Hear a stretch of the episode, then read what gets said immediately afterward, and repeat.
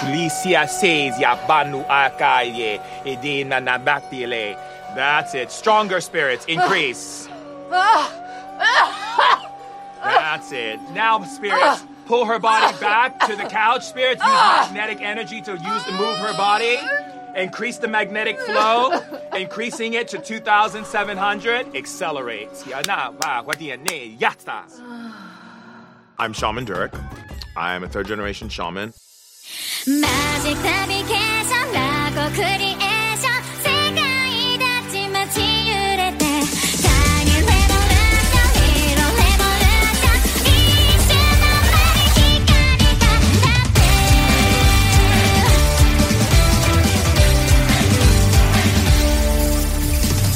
Mahange Mwambe, som de sier i det sjamanske selskap. De tre vise sjamaner i Lolbua er nå samlet for å feire at Durek har ankommet Norge.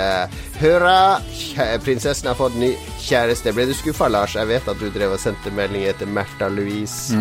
Etter at det ble slutt med han Ari Behns, tenkte jeg. Nå Var du litt forelska i Märtha når du var yngre? Hun, var, hun er jo på vår Jeg tror hun er født eh, jeg, skal, ikke snakke om en prinsesses alder, men hun er Hun var innenfor rekkevidde for meg, i hvert fall. Ja, da er jeg jo i hvert fall innenfor rekkevidde for meg. Hun er litt, litt for gammel. Hun blir litt sånn MILF-aktig for deg, Mats. Jeg, lik, jeg liker at uh, innenfor rekkevidde er basert bare på alder og ingenting annet. Ja, men det er jo et lite land. Det er et lite land, herregud. Og hvis Ja. Ari kan få en prinsesse på kroken, så skulle vel Lars òg klart det. Absolutt. Det er det. Men hva dere tror Men du må jo være ganske sånn out there. Han Ari Behn Ari Behn fremstår som en ganske gal fyr. Så kommer han der Durek, og bare Ari Behn ser ut som verdens roligste A4-dude ever. Han der Durek ser jo veldig rolig ut men han er jo sjaman, da. Eh, så da er jo spørsmålet Er det avklart om han er en restoration-sjaman, eller en enhancement-sjaman, eller en elemental-sjaman? Det er jo de tre undergruppene i World of Warcraft. Hva tror du, Mats? Det er du som har mest erfaring i det spillet. Jeg har faktisk, eh, Når jeg hører sjaman, så tenker jeg på Everquest. For det var en klasse i, Everquest også. Ja. Det var en ganske OP-klasse i Everquest, for de hadde en sånn eh, De hadde en sånn buff som gjorde at du sprang raskere. Og det var veldig mye springing i Everquest. Så Ja. med en gang du møtte en sjaman, så spurte du etter Spirit of Wolf, eller SOW. Spørsmålstegn. Det var det eneste du sa til en sjaman når du så han. så han kunne buffe deg og gi deg runspeeden. Han ser ikke ut som han er så veldig rask, han der Durek. Han ser veldig bedagelig ut. Ja. ja. Nei, men det er et godt spørsmål. Han kan, han kan vende på atomer i kroppen din. Det er jo litt Ja. uh, Det er jo ganske heftig, Det høres ut som en ganske syk sjaman, ja. Ja, Atomsjaman. driver ikke atomene og snurrer og vender og roterer på seg hele tida Av seg sjøl. uansett? Ja, er, eller er, er atomene helt statiske i kroppen vår, liksom? Jeg vet at eh, når, eh, når ting blir varmt, så går vel atomene raskere frem og tilbake, og så Ja, ekspanderer det. elektronene eh, roterer jo rundt de, de, et, et atom er jo eh, kjernen og elektronene som snurrer rundt, og, og elektronene beveger seg jo hele tida. Ja. Så jeg skjønner ikke hva det er han skal rotere her. Er det kjernen han skal rotere, liksom? Det, jeg tror det er noe som beveger seg. Kan vi få en Durek som gjest? Eh, Lars, du ordner det. Det er du som ordner gjestene våre. Ta Ring han Durek. Det står sikkert i tre. Han driver og selger sånn healing og tjenester. planen han kan ha et lite seminar for oss. Ja, kanskje det. Kanskje det. Eh, De sliter jo med å selge billetter i Nord-Norge, skjønt der De solgte ut i Fredrikstad og Oslo og sånne ting, mens i Tromsø var det sånn 30-40 stykk som var interessert i å se Durek og Ja, Märtha. Så jeg burde jo- du, får fronte det nordnorske her, da. Her kan han nå ut i Nord-Norge og selge enda flere billetter gjennom Nord-Norges største podkast. Ja, jeg misforsto fullstendig da du kom med den nyheten. Jeg trodde det var sånn at folk i Nord-Norge ville se han her Durek, og jeg bare ja, ja, men det er jo helt standard. Fordi det er jo litt I hvert fall sånn jeg trodde, at folk i Nord-Norge var litt mer på åndenes makt-kjøret. Ja, men de har jo, har jo egne sjamaner i Nord-Norge. Du har jo masse samer og Ja, kvener vi, har, vi, har, vi har jo ja. urfolket. Vi har jo Ja. Skal faen ikke Du får dra hjem og sjamane der du kommer fra, ikke komme opp til oss og ta, ta jobbene fra våre sjamaner. Ja, helt enig. What he said. Ok, skal vi høre litt hva vi har gjort i det siste? Nå har du, det har jo vært en ekstremt begivenhetsrik uke da med både 17. mai og Eurovision, Lars. Ja, jeg Det har toppa seg helt. eh, Og så syns jeg vi må gå gjennom absolutt, absolutt alt det her. Kanskje viktigste er årets første grilling. Ja, vet du, vet du, vet du. Jeg vet, vet du. De som har hørt Roffbua, vet jo at det var en stor diskusjon om, uh, om årets Jeg tror årets første grilling er et punkt på vår ultimate stack rank-liste, der du og Mats var helt hysteriske med at dette skulle være i sånn topp tre, Ja. topp fem av opplevelser noensinne. Ja. Og da må jeg høre hva, Var det en av årets mest fantastiske opplevelser, årets første grilling i Harstad? Det var jo det var veldig trivelig, da. Det var, det var bare sånn 12-13 grader, men eh, vi liksom beit tennene sammen. Og så var det veldig varmt i kroken her hos meg, da. Ja, det var jo vindstille. vi- Ja, så det var masse god mat, kom mye folk, eh, litt pils Ja, og som oppkjøring til MGP, til og med. Det var liksom samme, samme Ja, dagen. nettopp. Så det fungerte bra. Så det er god topplassering på lista over alt i verden. Der er sommerens første grilling. Sant? I Sør-Norge, dere bryr dere ikke. Dere er blasert, dere er vant til det her. Klager over varmen. 'Å, det er så varmt i dag'. Min svigerfar griller hele året. Ja, nettopp. Det, det gjør ingen her oppe. Det er så, så rar er vi ikke. Ja, hvis du må mokke snøen for å komme frem til grillen, da er det ikke så mye vits å grille, tror jeg. Ja, ok, det var det. Var det, var det noe mer? Du har en, jeg ser du har en liste lang som et ondt år med ting Ja, jeg kan jo nevne MGP. Er litt morsomt. Eh, Min eh, Alle, alle under 40, det er Eurovision. Ja, ok, ja, Melodi Grand Prix kaller jeg det. da. Fikk eh, på torsdag, da det var den der første semifinalen, så fikk jeg melding fra min svigersøster, min brors svenske dame, at eh, hun var ikke så veldig fan av det norske bidraget. Så de svenskene er jo sykt gira på det her, så hun er jo svensk, veldig fornøyd med det svenske bidraget, og så slo vi dem. Det var kanskje det morsomste med hele Ja, det er bra. Hun høres veldig svensk ut, og, da, og dama til din bror. Ja. Jeg skjems på eran vegne, eller hva det sto i den meldinga. Bare Mua, ah, ah, da vi vant. Så nice. Uh, vi har vært på WWE wrestling, Jon Cato. Ja, det er sant. Ja, jeg har noen lydopptak, faktisk. Så Det mens vi nå hvordan, eh, snakker hvordan var wrestlinga? Var det, hvordan stjerne var det som kom til Oslo? ja, Ja, Lars, rams opp. ja, det er jo en uke siden nå, siden vi var Jeg husker jo han Samoa Joe. du klarer, du klarer Samoa tre. Joe. Eh, Charlotte Flair var der. The Ja. Ouija Brothers. Jeg husker ikke helt hva de heter for noe. Ucha Brothers. Osi, Osi, eller noe sånt. Eh, og New Day var der, sånn rat tag-team. Uh, folk som veldig morsomme. De drev og spilte trombone på fiendene, så de datt om for de spilte så høy lyd. Det var uh, utrolig gøy. Go ahead boo. Go ahead. You only boo because you know I'm telling the truth. you boo because you know that you're just not happy with your lives. You boo me because.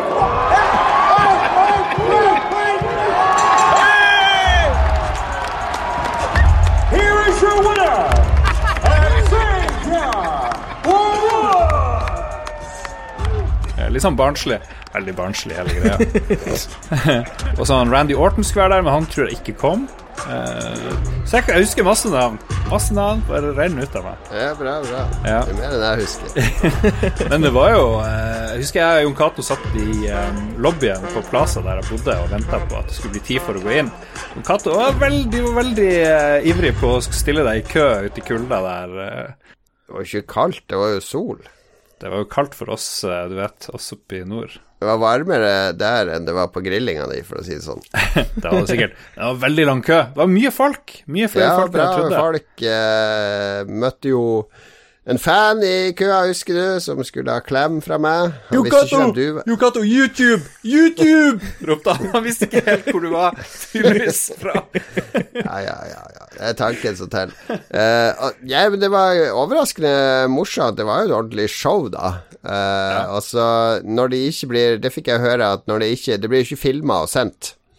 Så det de gjør da, er jo at de interakter mye mer med publikum. Altså, de, de svarte jo på ting, og de dro jo fram et sånt bord på den siste kampen der, som de tok en sånn eh, slem gjennom bordet, og det er ifølge de wrestlingkonnoissørene, så var det meget sjelden de gjorde det. uh, så eh, det var, det, det var jo sånn chant om uh, We at de want ville ha tables. Ja. We want tables. Og så trodde jeg også det var sånn skikkelig nazimøte en periode der, for da var det hele publikum bare chatta 'Alt for Norge! Alt for Norge!' Alt for Det bare var i helvete det vi har kommet til da. Men så viste det seg at han ene, han der megahøye vikingduden på det ene tag team-laget der han han har jo norske aner, og så var han med i det TV Norge-programmet Alt for Norge i 2010. Så du så jo han sto og smilte bredt når de chanta det der, for han huska jo godt det. Sjelden har jeg sett så mye glade mennesker. De her Wrestlingfolkene er en utrolig glad og munter gjeng, egentlig, og kjempetakknemlig for at endelig kom WWE til Norge. Så, så folk var jo helt i hundre. Folk var jo skikkelig med og chanta. Det var en kid og... nede på høyre side for oss. Han var så med! Han var så med i kameraet. Don't give up! Don't give up! Come on! You can do it! Can do it! Uh, Satt han konstant der. Jeg ble jo helt uh, flau på hans vegne, nesten. Ja, han var veldig ivrig. Men det å se wrestling med noen tusen mennesker i Oslo Spektrum, og så hadde alle sittet helt stille, tenk hvor flaut det hadde vært. Heldigvis så bare, bare ropte folk masse. Veldig unorsk at alle var så med og jubla. Så jeg ble glad. Jeg ble litt sånn uh, Jeg skal ikke si jeg ble stolt, men jeg, uh, jeg syns det ble en fin kveld. Fin, Ja. fin kveld. Skulle gjerne hatt med en eller to av ungene der òg. De hadde likt det veldig godt. Ja. Jeg likte best han der uh, hvor folk begynte å rope 'delete', 'delete', 'delete', 'delete'. Hans move var liksom 'delete-move' eller et eller annet. Er han i The Matrix eller noe sånt? Og så, og så måtte man liksom spille med, da. Hvis det var noe drama på scenen, så kan du ikke bare drive og liksom Ja, ja, fuck off, liksom. Du må liksom være litt med. Så jeg bare Oh, shit! Bare rope Oh, no! Kommer en kar bak deg! Kommer en bak? Du, du ropte Nå gjør du det til. Du, du satt ganske så stille i stolen din, Lars. Jeg var, av og til glimta jeg til. Men så satt det, satt to karer foran oss, og du skulle faen meg tro eh, de, det var sånn VM i å drikke øl der, for de satt jo med noen sånne åtte-ti øl mellom seg. De gikk konstant ut og henta øl til hverandre, og hver gang kom de tilbake med fire øl.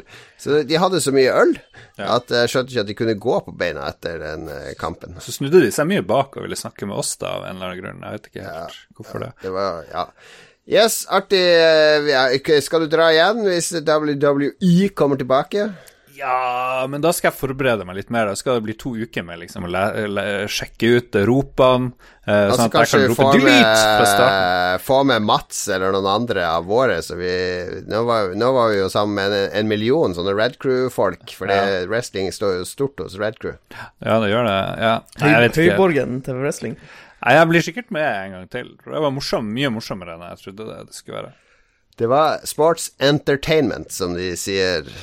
Mye mer morsommere enn å se det på TV, vil jeg Ja, kanskje absolutt. si. Ja. Ja, for jeg, jeg hadde trodd at jeg skulle savne kommentatorene eh, mye, for de er jo, gjør jo mye sånn Oh my God!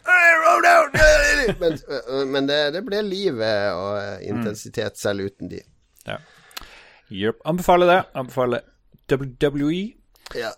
An, Mats, har du noe å legge til? Jeg så bare du bare What Lars sendte. Jeg har jo stort sett eh, hengt med Lars, så jeg har ikke gjort så mye annerledes enn det han har gjort.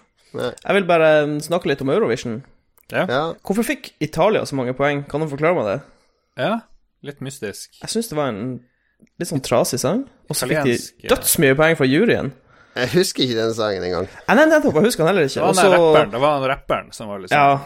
Og så, og så tenkte jeg sånn Ja, ok, nå har juryen gitt masse poeng til Italia. Nå kommer ikke de til å få noe poeng fra publikum. Så jeg spådde jo at Italia skulle få ti poeng fra publikum, liksom. Men de fikk jo 200 og noe poeng der òg, så det var litt sånn mystisk. Ja, Men bør de kutte ut den juryen? Det er jo eh, sikkert populær mening i Norge, fordi Norge fikk flest publikumsstemmer. Så Jeg syns uh, at det skal være en skamløs uh, publikumsfrierikonkurranse, så jeg syns For det første, den juryen har jo ikke noe eh, Det er jo ingenting pondus bak valgene som den juryen tar, for det var jo akkurat det samme jalla som det alltid er. Uh, Kypros gir 10 po 12 Til Hellas, poeng ja. til Hellas, Hellas gir 12 poeng til Kypros. Det, hvilken fagjury, hvilket, uh, hvilken utdanna musi musikkfolk sitter her og, og lar, de, lar disse vennskapsbåndene overstyre denne faglige vurderinga de skal gjøre? Det er ikke noen fagjury, det er bare en jalla-jury. Så, Ja, pluss så får de bort. bort. Fagjuryen ser jo ikke den performancen vi viser. De tar jo ser en sånn annen som blir Ja, de ser den eh, generalprøven, er det de baserer seg på. Ja, og Avskaff de- juryen er vel Ja. fasiten her. I hvert fall hvis juryen ikke sitter og ser det på TV, for det burde de jo. For det er jo liksom blir unaturlig å se det i en sal. Det blir jo noe helt annet enn Det, det jeg vil ha neste år Vi driter i fagjuryen, vi skal ha to ulike stemminger. Vi skal ha menn og dame. Damejury og mannejury. Det, det er interessant å se hva, hvil, hva forskjellen blir. Jeg vil ha, jeg vil ha heterojury og homojury. Det er jo mye bedre. Det kan òg være interessant. ja. Yeah, yeah. Ja, du har gjort noe spesielt, uh, JC, må jeg si. Ja, ja, jeg var jo gjest i Vi har jo Vi drev og, og prøvde å starte beef. Det Vi prøvde jo ikke å starte beef. Det var bare Nei, du som vi, vi slang litt det. med Det var ikke jeg bare, jeg. Du slang deg ganske bra med. Ja, ok, ja, ja, ok, litt. Vi hadde eh, Hva skal jeg si Vi hadde Vi slang litt med leppa mot en sånn ny podkast som heter Nerdelandslaget, med Stian Blipp, kjent fra Senkveld og Idol og uh, beatboxing og mye annet, og en som heter Andreas Hedemann, eh, det er vel etternavnet. Ja, og vi bare åh, da kommer disse store byråene og skal støvsuge opp de få eh, spillpengene som skal dryppe på podkastene med kjendiser. Eh, så vi var litt eh, krasse. Eh, vi jeg syns vi har lov å være det. Vi er jo gamle og bitre menn. Holdt på lenge. Vi har, eh, vi har alderen, ikke sant. Vi har den der eh, litt forfylla onkelen i hjørnet på bryllupet som sier det her, gir dette bryllup ekteskapet ett år. Han er der. Det er oss. Eh, men så røkte vi fredspipe fordi eh, han Andreas sendte meg en melding og lurte på om jeg ville være gjest på nerdelandslaget, og det Jeg takker jo alltid ja til sånn. Ja. Men det var egentlig vi som skulle ha dem som gjest, og ikke det? Det skjønner Ja, jeg, jeg liker jo ofte når det er nye ting som skjer vi, vi hjelper jo gjerne folk opp og frem. Vi så i Forrige uke hadde dere besøk av han eh, forfatteren eh, når jeg ikke kunne være med, han Torbjørn. Ja. Eh, jeg ser flere i entorasje som har kjøpt bøkene hans allerede. Det er klart at vi, vi hjelper folk opp og frem for å snakke om spillene de har laga, bøkene de har laga, det de holder på med. Eh, fordi vi har jo Vi er jo ikke en norm reach, men, eh, men ting som vi tror våre lyttere kan være interessert i.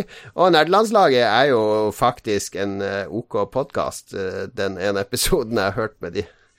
Uh, nå har jeg hørt på episode én og episode syv, og de, de brenner, brenner jo faktisk for det.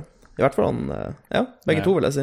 Begge to De er, er legit, ganske legit nerder, liksom. Ja, de er glad i spill. men De er liksom litt yngre enn meg, og, og enn meg i hvert fall. De er liksom 80-tallet er, eh, er bare en sånn tåke fordi. Det, det begynner liksom på starten av 90-tallet, virker det som. Ja, så da, da, det får være greit. Da skal jeg glemme den kriminelle fortida deres, og så starter vi med blanke ark. Ja da, nå er vi eh, venner med nerdelandslaget, så du må gjerne høre på de, men oss først, da, selvfølgelig. Og så var det jo inne i et profesjonelt eh, lydstudio, da, med der sitter rundt bord med mikrofon og skjerm og ditt og datt. Og, og det må jeg si, det føles eh, Altså, det føles bra å sitte sånn som vi gjør nå, men det blir liksom Det blir liksom et halvt terningkast bedre med en gang man sitter i samme rom, føler jeg. Ja, jo da, jo da. Men det er jo mye lettere å gjøre sånn her, da. Det er jo mye styr med å liksom skulle reise ned til Oslo og sånn. Ja, men da så Hvis vi alle hadde bodd i Oslo, så tenker jeg at det hadde vært bra å samles og spille det inn. Og da tenker jeg også at den reisen dit, da får du liksom fokusert hjernen, du får skjerpa deg, laga noen spissformuleringer, mentalt forberedt deg. Så ja, det, det er jo absolutt best. Men vi har jo terningkast seks i hver episode, så det er jo en amazing prestasjon. Egentlig har vi terningkast seks og en halv, når du tenker over at, vi, at det hadde vært et halvt terningkast bedre om vi hadde sittet i samme rom. Ok, whatever, Yokato. Yes, jeg er skamløs. Skamløs når det gjelder vår podkast, og det passer egentlig bra, fordi temaet for uh, ukas episode skal være skam.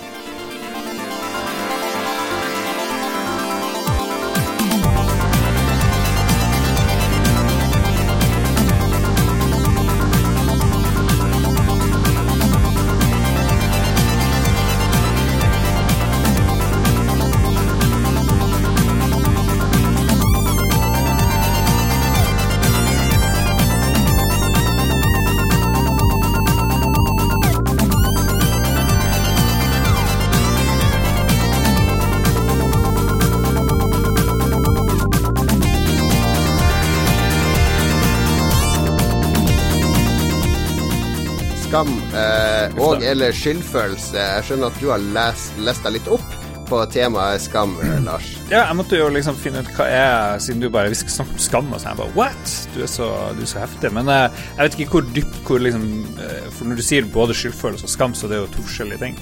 Skyldfølelse er litt mer sånn overfladisk. Det er sånn hva du Noen ting du har gjort, kanskje du angrer på, eller føles skyld. Og så har du skam, som er litt mer sånn dyptliggende. Det er mer sånn Da kan du ha litt sånn seriøse psykologiske problemer hvis du går med altfor mye skam, eh, skam inni deg. Det handler om hvem du er, i stedet for hva du gjør.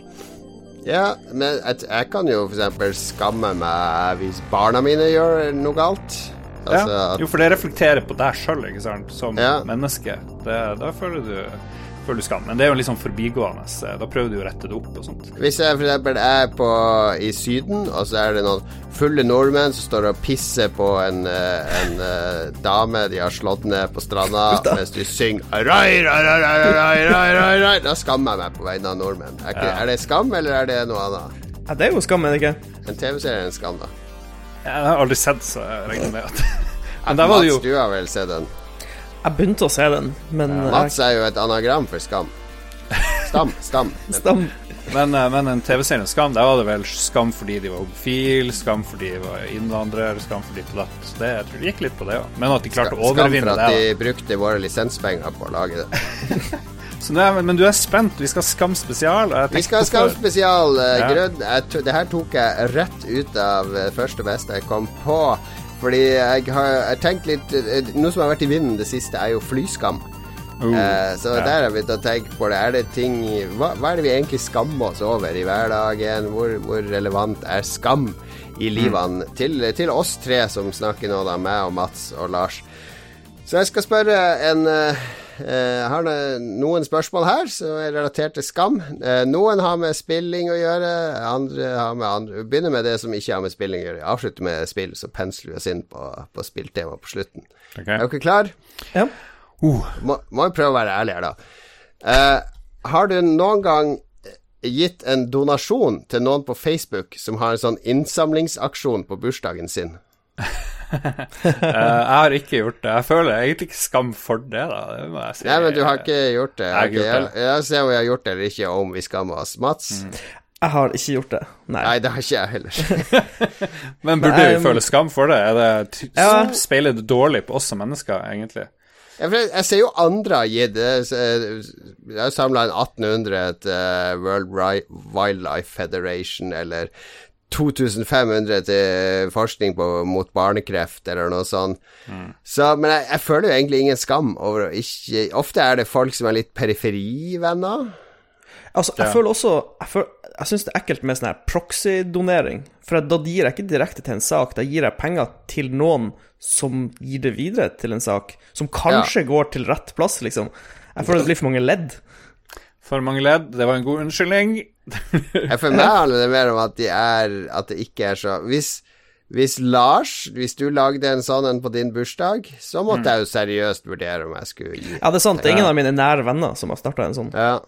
Ja. Jo, jeg skjønner. Men jeg føler jeg gir, jeg gir til uh, mormonere Nei da, jeg gir Før så ga jeg til veldig mye folk. Jeg liksom, hvis det kom noen sånne brev fra Sjømannskirka eller fra litt sånn random shit, så tenkte jeg ja, ja, jeg har masse penger. Da jeg bodde oppe i Finnmark spesielt, for jeg hadde ingen utgifter, bodde kjempebillig. Jeg hadde ikke hus og stort lån, så bare ja, jeg pøs ut penger. Jeg, jeg liker jo å dele ut uh, til gode formål.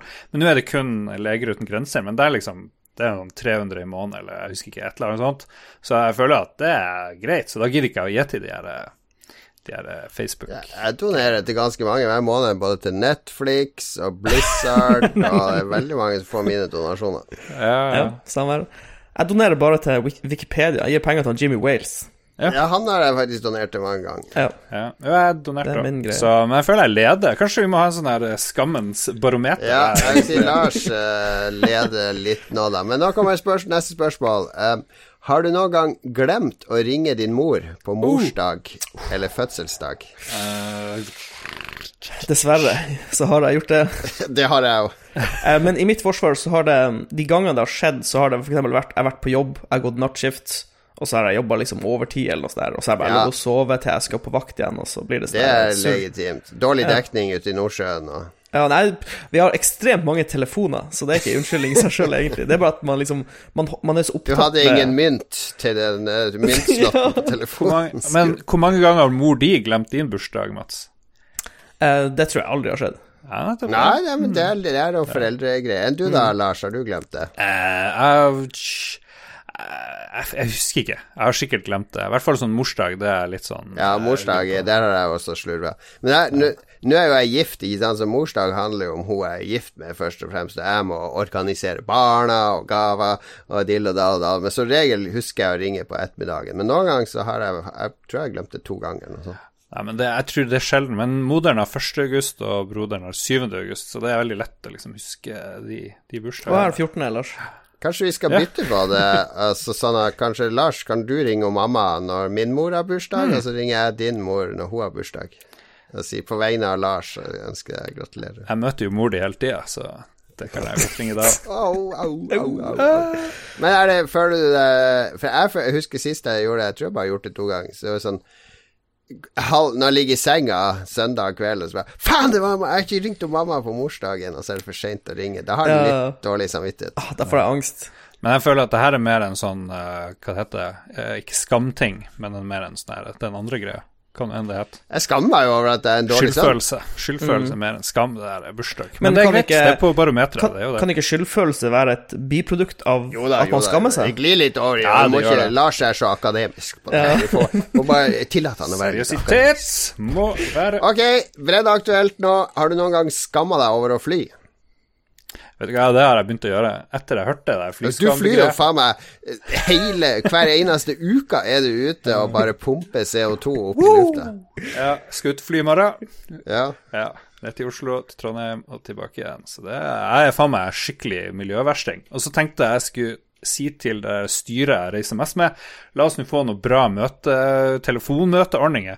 Fordi vi må nesten møte opp, fordi hvis vi ikke er der, så er det, sitter vi på telefonen på sånn dårlig linje, og så hører man ikke halvparten av det som blir sagt. Så ja, det skylder jeg på. ikke Google Hangouts fungerer ikke for styrer og sånn. Nei, nei. Der kan du bli rik hvis du får en sånn kjempegod løsning som er veldig lett, som alle morons eh, rundt omkring skjønner. Da kan du tjene. Eh, Mats, du flyr jo også en del, eh, mye Ja. jobbsammenheng, da. Jo, men jeg, jeg, har ikke, eh, jeg har ikke tenkt så mye på forurensningsaspektet av det, egentlig. Du lever jo. Din insekt er sånn, jeg, er jeg, jo jeg, jeg må jo dra Jeg må jo sette meg på et fly for å komme meg på jobb, liksom. Så jeg har ikke så mye valg. Men du må ikke sette deg på et fly til Singapore for å se Formel 1. Nei, det er sant. Det er et godt poeng. Nei, kanskje jeg burde skamme meg litt over det. Men jeg har ikke gjort det til nå til dags dato. Det må jeg ærlig Jeg, innrømme. jeg, men jeg har begynt å tenke på det. Vi drar ikke til Spania i sommer. Det har både med at uh, vi bruker en formue når vi er i Spania, men også at uh, de ungene koser seg på Vestlandet på den hytta vi har der. Så hvorfor skal vi dra de ut av landet og ja. Så, men jeg flyr jo i jobbsammenheng. Men jeg, skal, jeg har tenkt å ta toget til Köln, til Gamescom i august. Jeg sjekka det ut, og det er, det er fullt gjennomførbart. Jeg syns jo det er superdeilig å ta tog. I hvert fall hvis du har et bord og kan ha en laptop på, ha med switchen, ha med en bok. Last inn noen bøker Eh, det er jo mye mer behagelig det enn å stå i de her 100 køene på flyplassen, stresse, vente på bagasje, sitte Ja. trangt, eh, ditt og datt.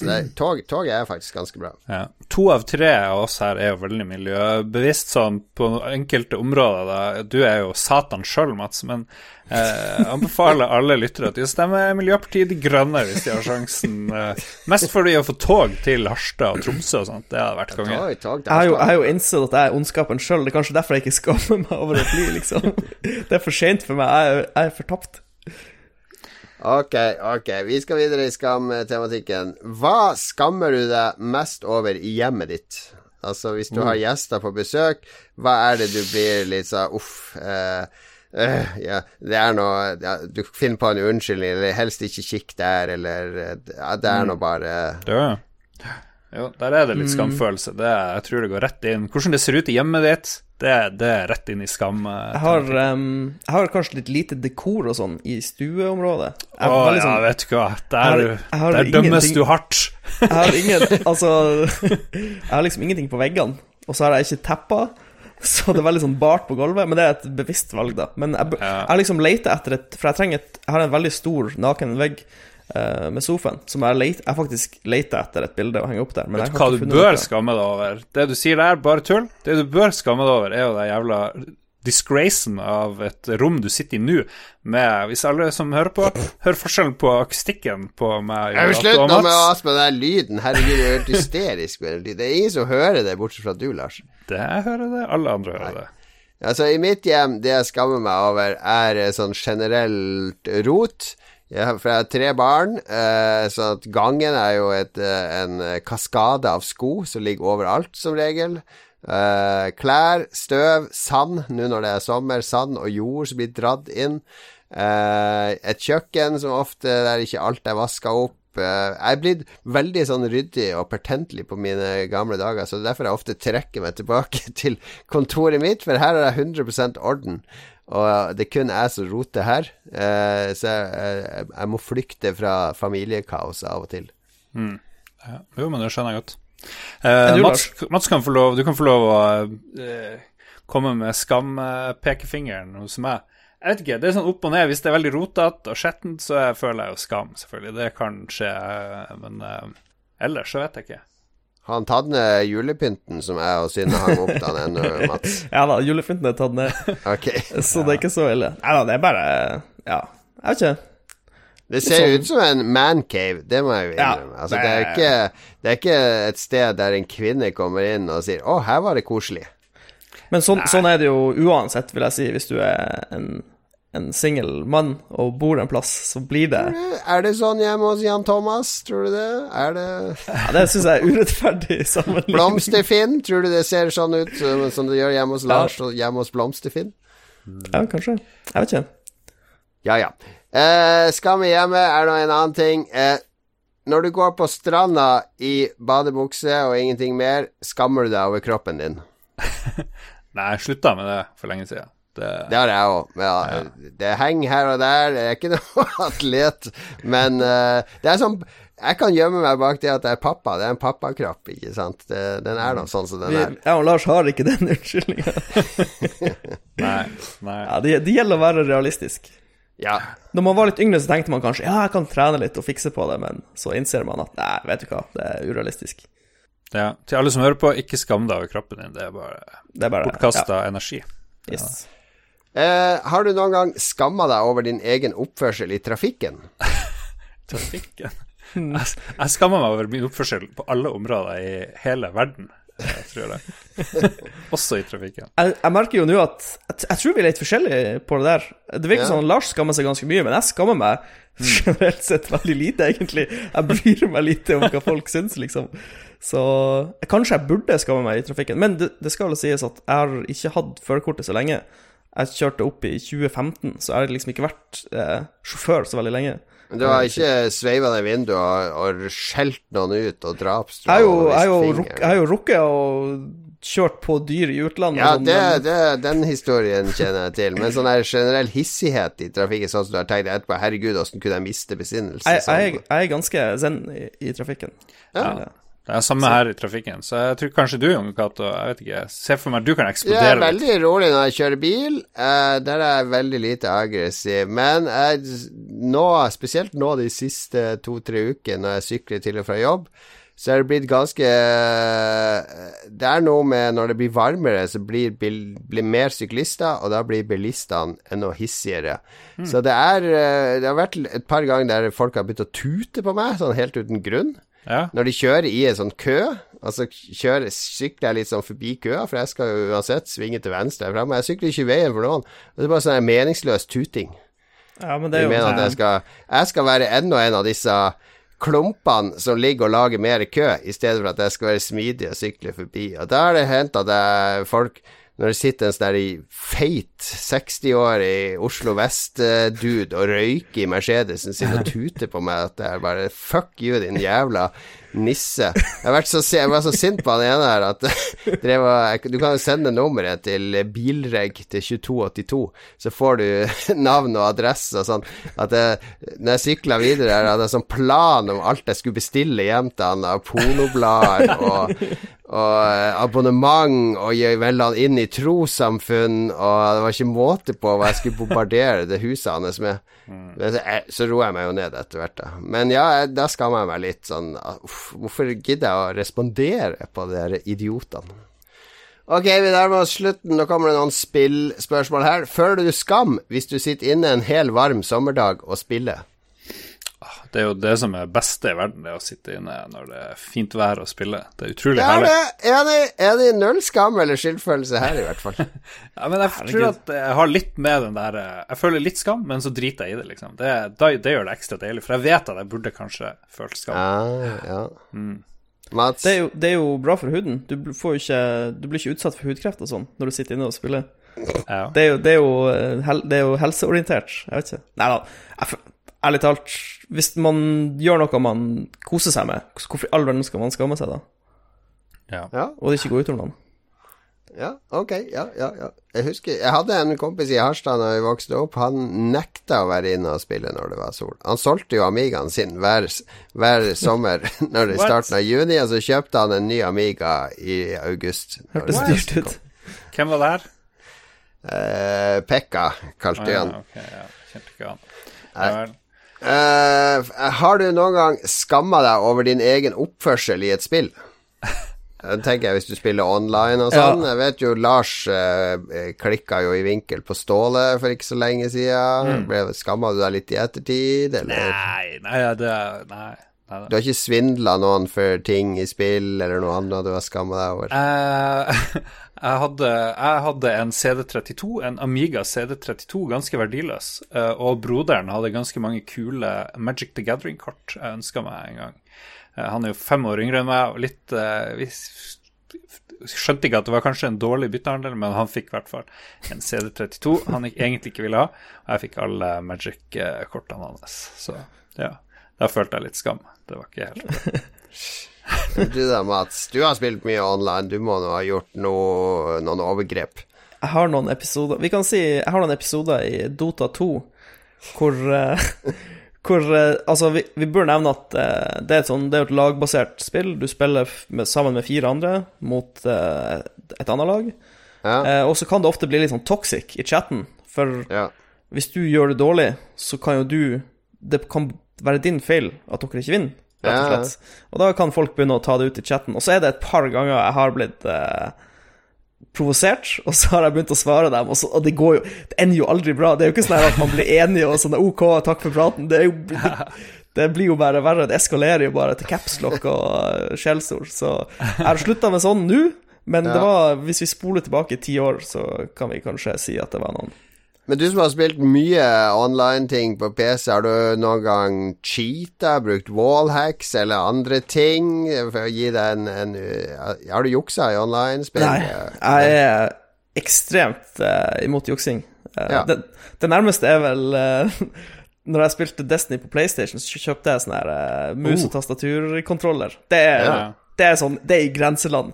Ja, da, da, borderline, borderline, liksom, ja. Når jeg tenker tilbake på det, så var det litt sånn Ja, det, det var ikke bra. Det var Ja, ja. Det, det, det var ikke Du, du, du modifiserte ikke noe, verken noe software eller Nei, men, hardware. men jeg føler du får en, en Du får en ganske heftig fordel, på en måte, hvis du er vant til å spille med mus og tastatur. Jo da, jo da. Nei, det eneste gangen jeg har juksa, er vel var en bursdag i Oslo der jeg husker Lars og Tom og Lars og Tom var på lag mot meg og Tore og Knut. Vi skulle se hvem som kunne shotte mest uh, tyrker. Og så hadde jo jeg og Tore og Knut Vi hadde en flaske, halvannen liter flaske med cola. Mens den som Lars og Tom og han tredje hadde, det var jo med ekte tyrker. Så vi bare for Hver gang vi hadde tatt en shot, så bare helte vi opp Ja, ja, vi har klart en ny! Og så bare Hva faen? For et tempo! Er, Jeg jo sånn, er sovna sånn av, sovna av og våkna med sånn kakestykke oppi, oppi Ja, det var da du sovna ute på det kjøkkenet der, og så putta vi Nei, det var Torbjørn vi putta sjokoladekake i trusa på. Nei, det var ikke Torbjørn. Ja, Torbjørn putta sjokoladekake i min truse. Tror jeg Ja, det er sant. Altså, når du ja. våkna, så trodde du et lite øyeblikk at du hadde drept deg ut, for det var en sånn der klam, brun klump i trusa. Den var så tørr. Den var blitt så tørr, den kaka. Kroppen min hadde tørka den ut. Så det var bare sånn sand oppi ræva, liksom.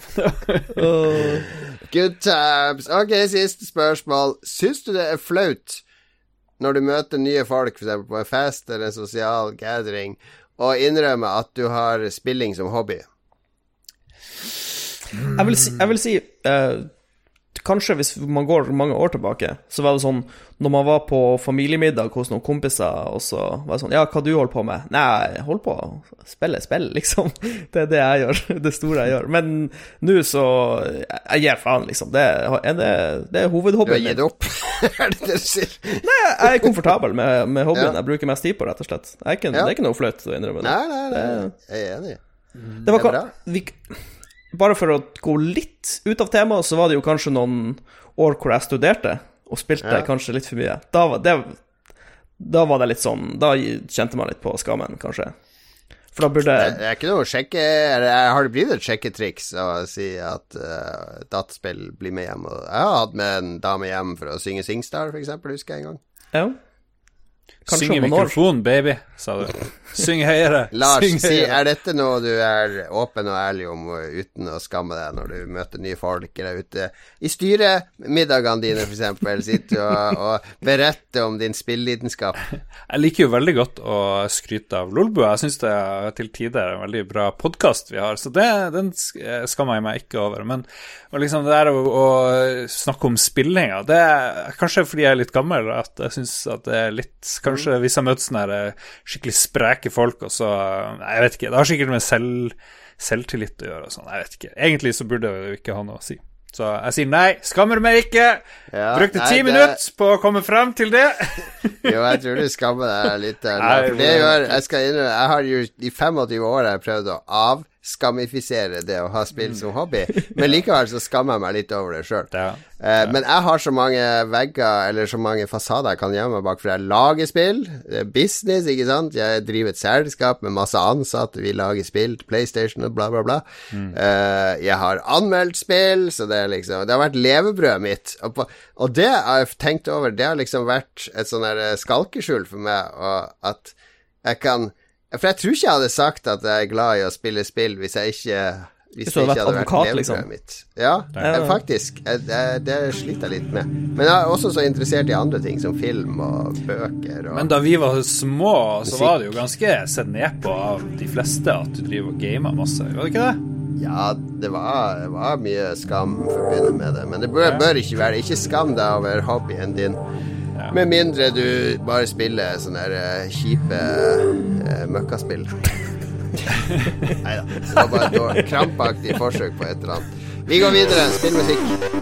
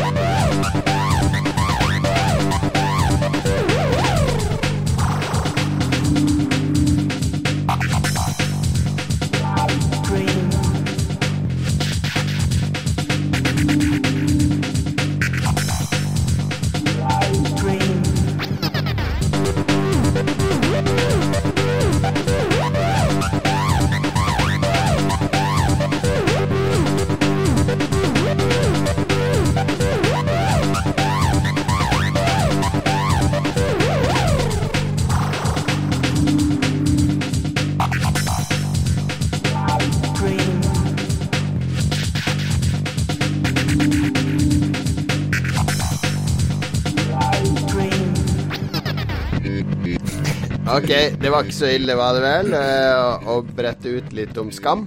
Nei, eh, hvis vi hadde hatt med en psykolog, så kunne han sikkert fortalt at skam er jo Det er jo en hva det heter, evolusjonsmessig god grunn, tipper jeg, til at vi har skam. Det er jo for å innrette deg med, med gruppa, ikke sant. Du er redd for å dette utfor, og hvis, Hvis du falt hadde- utfor stammen før i tida, så var du død, ikke sant. Så Det er litt sånn mekanisme. Jeg så akkurat en film som heter uh, Rashomon, uh, en gammel Kurosawa-klassiker. Uh, og der er det en dame som blir uh, voldtatt foran sin samuraimann av en banditt-samurai. Eh, og så når han er ferdig voldtatt og skal gå, så ber hun han om å enten drepe seg sjøl eller drepe mannen hennes. For hun kan ikke leve med skammen hvis, hvis to menn vet om hva som har skjedd. Men hvis, hvis kun én av de vet om det, så blir hun med den mannen som kona, da. Da er det bare de to som vet om det. Jeg har et forslag til en sånn dataspillserie på TV. Det, det er en som spiller data, men det vil kun at én person skal vite om det. Så han må drepe alle som finner ut at han spiller online. Ja, det er en. Twitch-streamer, ja. Med en gang det blir ikke to i publikum, så sporer han opp den ene og dreper. Det her kan du selge inn til Netflix. De kjøper sånn. The Digital Rashomon. Og apropos Netflix, det skal være nyhetsspalte, Mats. Ja. Eh, vi hopper rett i det. Ja. Eh, Minecraft feirer nå ti år. Bortsett fra å gjøre Notch til en veldig rik mann, så har dette spillet introdusert mange unge mennesker til gaminguniverset. Det er også nylig annonsert eh, Minecraft Earth, som ser ut til å bli en slags Pokémon Go-aktig affære. Eh, Betatestinga til det nye spillet starter i sommer. Eh, har noen sett eh, videoen? Ja, den ser litt uh, veldig sånn uh, augmented reality glamorøs ut. Ja.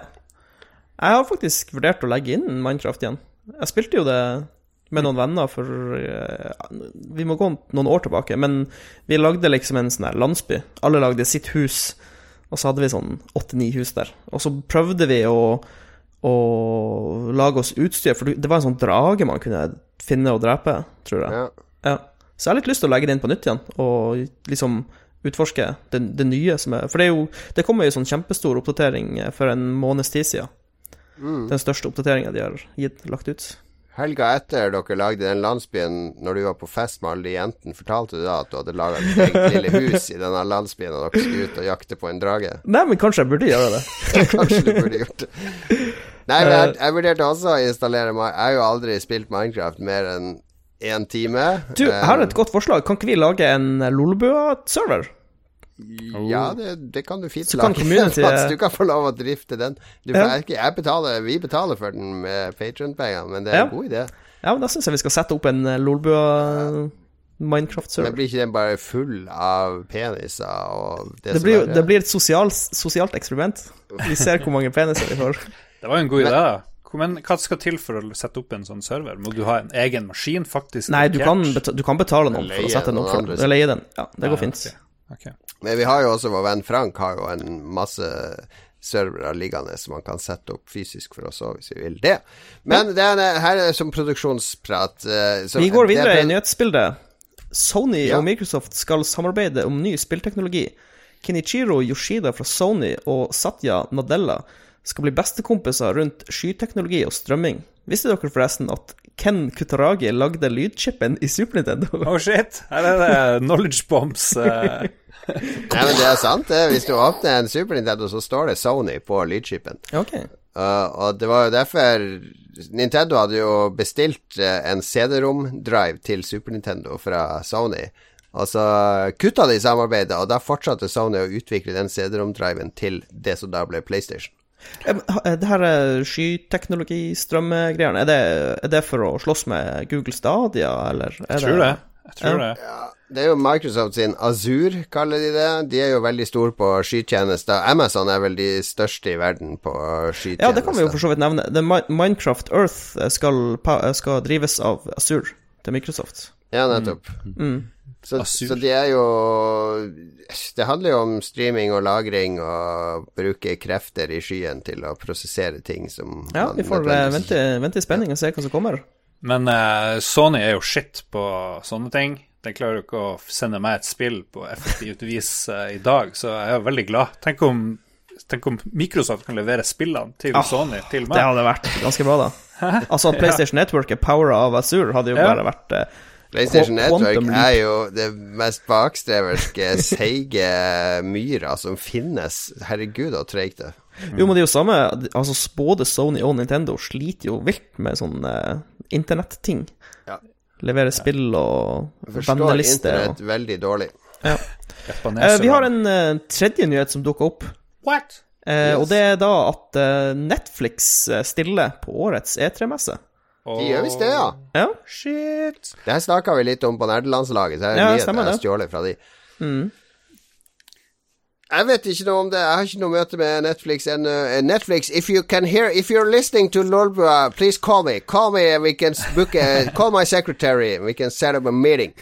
Ja, uh, hva er det med liksom Netflix, hva de kan bidra med De har også, de er òg veldig flinke til å levere data. De, de, når du trykker play på en film, Jeg ser for meg det er en av to ting som skjer. Uh, enten så kommer de til å uh, lansere en spillbutikk, sånn at du kan gå på netflix.com og kjøpe spill. Eller så skal de kaste penger på noen folk for å lage spill på vegne av dem, sånn at det blir et Netflix-spill. Eller en tredje eh, annen option. Også. De har jo sånn som Stranger Things ble jo mobilspill og sånne ting, så den, det har de jo utforska litt allerede. Ja. Men jeg tror vel kanskje at de også Walmart kommer jo med en strømmetjeneste til høsten. eh, Stadia, eh, Xbox.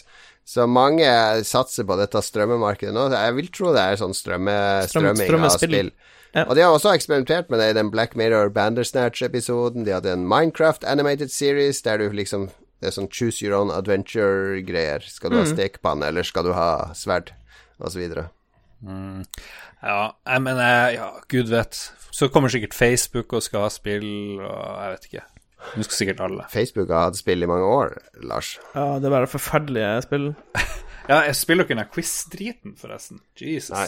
lord. Jeg, to, jeg spilte noen runder, men så begynte jeg å få samme greie, samme spørsmålene på nytt igjen, og det var Jeg sånn tror- skrivefeil og Jeg tror det er en sånn greie som bare ligger i bakgrunnen og stjeler alle dataen om deg. Så du er produktet, og du er the sucker når du spiller den der quiz. Ja, så er det så mye reklame og sånn òg. Ja. Anywho. Ja, da var vi ferdig med nyhetene. Det var nyhetene. Litt stille før E3-stormen, får vi si. Kan også informere lytterne om at jeg skal på E3 i år. Ikke for Lolbua primært, men jeg kommer til å være der. Og jeg ble til og med invitert til Microsoft sitt show, så da Yay. jeg er sikkert den eneste nordmann som er til stede på E3 i noen slags eh, journalistisk nice. sammenheng. Får vi en reportasje til Lolbua, kanskje? Ja, hvis dere betaler godt nok, så skal jeg vurdere det. Vi betaler her og nå. Her er sjekkheftet mitt. Ok, vi må komme oss til eh, inn til beinet. Vi må spise det saftige kjøttet nå. Det beste kjøttet er alltid det som ligger nærmest beinet, og det er nå i midten av podkasten at vi er på det sekvensen. Eh, Lars. Det er da vi snakker om hva vi har spilt i det siste. Det er jo dette lytterne venter lenge på. Hvilke cutting edge nye spill har våre redaksjonsmedlemmer spilt? Hvilke eh, finurlige og gjennomtenkte analyser kan jeg få nå? Hva er det som skal inspirere meg i mitt eh, neste spillvalg? Og Lars, du er eh, som vanlig ute med det nyeste og fresheste. I 1989 så kom spillet Rick Dangerous eh, ut. Har du ikke sagt at du har spilt Rick Dangerous? Jeg har spilt Rick Dangerous. Jeg elsker jo Rick Dangerous, men jeg har funnet ut jeg er for dårlig til å spille Rick Dangerous. Eh, Endelig har jeg fått fyrt opp PC-en til det den skal gjøre, det er å spille gamle, gamle spill. Og det første jeg grep tak i, det er Rick Dangerous, som har ligget lenge og venta. Og med en gang musikken starter, og du er han der Indiana Jones-fyren, ikke sant Du skal gå inn og sule og finne noen skatter, men så er det noen sånne der unga-bunga innfødte, veldig rasistisk, driver og skal drepe deg. Eh, så eh, Nei, jeg har rett og slett spilt et gammelt, gammelt spill som kom til Amiga og Commodore 64. Og eh, sånn 2D-piksel, hopper rundt i hula, så løpe fra eh, sånne boulders. Husker dere det der i eh, den første Indiana Jones-filmen? Indiana Jones plukker opp den der dingsen, tror han har klart å liksom eh, omgått fella, men nei, så kommer en svær stein på 10 000 tonn bare rullende etter han, og det er akkurat sånn Rick Dangerous begynner. Det var veldig inspirert, inspirert av han. På forsida av coveret så eh, er det en litt sånn her trasig kar med ei dame, og de henger i et tau og har en sånn hodeskalle i hendene. Så det er veldig sånn eh, 40-talls filmunivers vi beveger oss i. Men det er så vanskelig, det er så sykt vanskelig.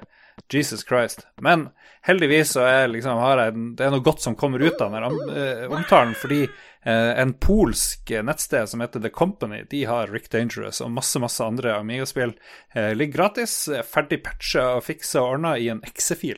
Så du bare laster den ned, og så dobbelttrykker du. Og så starter du med den traineren du vil, du kan få ekstra liv osv.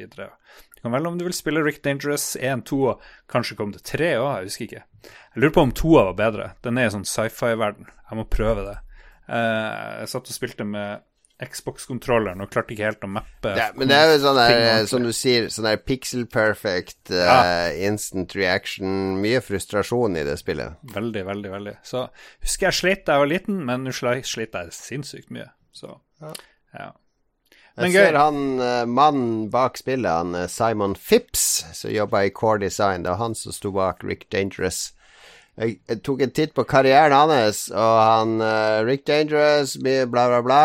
Og så ser jeg ut på 2000-tallet så går det inn i en sånn artig periode der han er kreditert med Harry Potter and the Philosopher's Stone, Harry Potter and the Chamber of Secrets, Harry Potter and the Prisoner of Azkaban, Harry Potter and the Goblet of Fire, Harry Potter and the Order of Phoenix. Da ga han seg, da slutta han, og så begynte han i Eurocom, som gikk konkurs to år senere, og da, hvem vet hvor Simon Phipps er nå? Så tok han livet sitt. Stakkars mann. Nei, jeg tror ikke han er død ennå, da, men uh, det, det, det er ingen karriere etter Eurocom gikk konkurs i, i 2012. Ok. Ja, ja. Nei, det var nå det. Det var nå Ja. det. Ja. Nei, hyggelig at du spiller. Åssen er det med høyrehånda di? Har den kommet seg? Kan du spille nå? Kan spille bitte litt, så, men jeg tenker jeg begynner rolig. Begynner rolig med litt eh, retrospill før jeg går på veldig nye ting. Spilte fyrt, fyrt opp den Alien Isolation som Mats fikk meg til å laste ned. Ja. Starter lovende. Jeg liker det. Det er Ja. veldig bra spill. Bygger litt stemning Ja. et av mine favoritt-horrorspill. Så det gleder jeg meg til. Jeg liker at alt er sykt retro i det romskipet. Alle datamaskinene er sånn tatt fra 80-tallet. Det er veldig Alt gøy. er tatt, Hvis du ser Alien, og så spiller, og så ser du Alien igjen uka etter, og så spiller litt mer Det er alt er henta Du kan finne igjen så mye i det spillet fra, fra Alien 1. Det er kanskje fra 70-tallet òg, jeg vet ikke hva det er. eh, filmen er. 79 er vel Alien 1, kanskje? Husker ikke. Eh, jeg skal snakke om Jeg har i hvert fall spilt noe nytt. Jeg har gjort jobben min, og det har du òg, Mats. Ja. Jeg ser det på lista. Men jeg kan ta mitt først. Uh, vi prøver jo uh, Og vi må jo omtale de store spillene nå. Jeg testa litt Rage 2. Eh, det har jo fått ganske blanda mottakelse. Eh, litt sånn midt på treet. bra skyting, men dårlig ditt og datt. Og det er Det gjør jo meg bare mer nysgjerrig på et spill. Altså hvis det er noen flås, fordi det er altfor mange som bare Sånn terningkast 10 000. Dette er det perfekte spill. Da blir jeg nesten alltid skuffa. Uh, mens hvis det er litt sånn Det er ok, så er det ofte noe, noe man kan bli veldig glad i. Men Rage 2 er ikke helt der for meg ennå. Jeg har bare spilt et par timer. Men du, du er i sånn stor wasteland. Sånn litt sånn Mad Max på syre-type wasteland.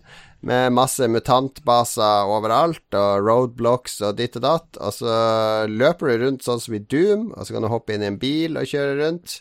Uh, og så kan du ta sånne sjekkpunkter, og du kan låse opp masse nye abilities. Og det virker som, når du får mye abilities, at det blir, veldig, blir sånn bulletstorm-aktig. At du kan slide bortover, hoppe og gjøre en masse sånn komboer, da. Da tror jeg det spillet vil virkelig skinne. Men problemet er at det virker Nå som jeg driver og lager spill, og jeg kjenner andre som lager spill Så jeg ser at det her er et spill som hvis de hadde hatt et år til, så hadde det vært superpolert og fett. Men her er et spill der de har måttet scope ned ganske mye og tatt takke med de løsningene som har vært der. Det har et UI som er ser ut som en placeholder. eh, user interface, liksom. Eh, det er såpass mye Det er så mye som er liksom eh, Som gjør totalopplevelsen litt dårligere enn den burde vært, da. Kjedelig. Eh, ja, og, og verden ser ganske shabby ut, altså. Men det flyter veldig, veldig bra når du slåss. Eh, Fiendene beveger seg bra. Våpnene føles bra. Powerups er bra. Uh, kjøringa føles helt ræva. Så jeg sliter litt med å motivere meg. Eh, jeg må jo innrømme Altså, det har litt å si at, at, ver, at det er et sånn lag av, uh, av polish på det. Lag av drit. Ja, ja for, å, for å føle meg investert i den verden. For nå føles det litt som jeg spiller et spill med kule mekanikker i en PlayStation 2-verden, på en måte, hvis jeg skal være veldig krass. Spilte du Madmax-spillet? Det er vel de samme eh, folkene i Ja, det Avalanche? er Avalanche, det òg. Og så har jeg vel Jeg kjente et par som jobba i Avalanche, som har slutta eh, etter at Nordisk Film kjøpte opp aksjemajoriteten. Så jeg, kanskje det har vært en litt sånn kulturendring i det firmaet. Kanskje de har blitt litt mer sånn samlebåndsproduksjon. Mm. det kan jeg ikke stå inne for i det hele tatt, men det virker i hvert fall som at det er At de er tilfreds med liksom å slippe noe som er liksom halvferdig her og der. Det, det okay. syns jeg er litt rart. Det er jo id lagde vel sjøl det første spillet, tror jeg. Første Rage. Og så brukte de uh, id Tech 5 eller noe sånt, som de også brukte til et eller annet Doom-spill. Men så Ja. passa det ikke helt, for det ble altfor mye loading, og litt sånn, var litt slit, det der første Rage. Og så skulle liksom var det jo en genial ting, virka det som, å bruke Madmax-utvikleren til å lage et spill satt i en slags Madmax-verden. Men ja, litt trist hvis de ikke har fått tida de trengte Ja, og pluss til at å hvis, lage det. hvis uh, bilkjøringa ikke er bra, Ja. så har de jo et kjempeproblem. What? Det må være en, en svær del av spillet, det er bilkjøringa. Ja, det er liksom bare å kjøre og så gå ut av bilen og skyte. Det er liksom ikke Det er, det er noen våpen og sånn i bilen òg, men det er jo helt håpløst å styre, i hvert fall den ene bilen jeg har hatt. Men jeg har jo sett mange andre biler som man kan ta og så kjøre tilbake til basen og få. Eh, men jeg har ikke samla så mye ennå. Men jeg skal spille litt mer. Uh, det er det er noe appellerende her, og det er ganske gøy når du tar sånn baser og sånn. Uh, der må du jo ta kontroll, ikke sant. Eh, Fiender kommer herifra og derifra, og det handler om crowd-kontroll og bruke kreftene dine og, og våpnene dine effektivt. Kan det bli patcha? Kan det liksom bli en patchesuksesshistorie der, tror du? Eller er det bare å Ja Kan vel sikkert det. eh, men Det spørs det- hvor mye, hvor mye tid eller ressurser de dedikerer etter release, sikkert. For å fikse sånn her, sånn som UI-en og sånn, blir jo Det er en sånn roadmap med masse innhold, så eh, det Ja. kan jo hende at de fikser ting underveis sammen med det, og forskyver roadmapet litt. Vi får se. Mats, ta ditt spill, da. Du har spilt noen finske greier. Ja, jeg spilte nye spillet til Kontroll Alt Ninja, de som har lagd eh, Legends of Grimrock 1 og 2. De har da sluppet et nytt spill som heter Druidstone The Secret of the Menhir Forests. Ok, Legends of Grimrock var jo sånn Dungeon Master-oppfølger av nesten. Altså sånn Ja. der du går rundt i et rutenett dungeon. eh, Spirituell og- ja. Nei, åndelig oppfølger, var det det vi landa på? Ja, åndelig. Ja, nei, eh, de har nå beveget seg bort ifra den sjangeren. Eh, Vi er Ja. fortsatt i fantasy-universet, men nå er vi på et sånn taktisk RPG-nivå, hvor det, er, det hele er turn-based. Uh, Jeg har litt, bitte litt lyst å sammenligne det med Into the Breach, men det blir litt feil. Uh, Det, blir, det er Into the Breach med litt større kart og litt flere abilities. Men prinsippet er det samme. Du har, du har ei verktøykasse, uh, du har et, et fast, fastlåst kart, og så skal du løse en oppgave. Og ofte, det tids, ofte har du et sånt tidspresse, sånn at du blir litt stressa. Du, må få gjort- du må få gjort ting fort. Um, og så er det um, ganske, jeg vil si veldig bra balansert hittil, det jeg har spilt. Uh, Nå spiller jeg på normal, vel å merke, men jeg syns det er ganske Altså, det er utfordrende nok på normal. Uh, og så er det um, Jeg har ikke lyst til å sammenligne det så mye med Into Reach, men på den samme sida, det ligner litt, for det er veldig light på storyen. Fordi uh, du har ikke noe utforskningselement hvor du går rundt og utforsker kartet. Du har et sånn hovedkart, og så popper det opp sånne missions du trykker på for å gjøre. Eh, og det ligner jo for så vidt Det er jo det samme på Into the Bridge Og så er historia blir eh, presentert ved at eh, etter du har gjort missionet, så står de og snakker litt sammen. Og så er du tilbake på det oversiktskartet, og så velger du nye missions og går videre. Så det er veldig, veldig light story, lite exploration, men veldig bra taktisk combat. combat. Hvis det gir mening. Ja. Hva er det du får igjen for å klare kamper? Sånn, er det noe progresjon? Ja, du har, du har sånn klassiske Du har to sånne RPG-elementer. Du får XP, sånn at du går opp i levels og blir kraftigere. Men du Ja. blir ikke sånn superkraftig. Du, du har et sånn uh, Hver karakter har uh, ti sånne åpne slots hvor du, uh, hvor du kan sette sånne kort som enten er passive abilities eller aktive abilities, og de får du når du leveler opp. Og så får du også sånne grønne steiner som du kan sette inn i eh, enten items eller abilities for å gjøre de kraftigere. Eh, men du får aldri nok steiner til å bare stappe det inn i alt. Du må prioritere enkelte abilities og items på tvers av alle karakterene dine.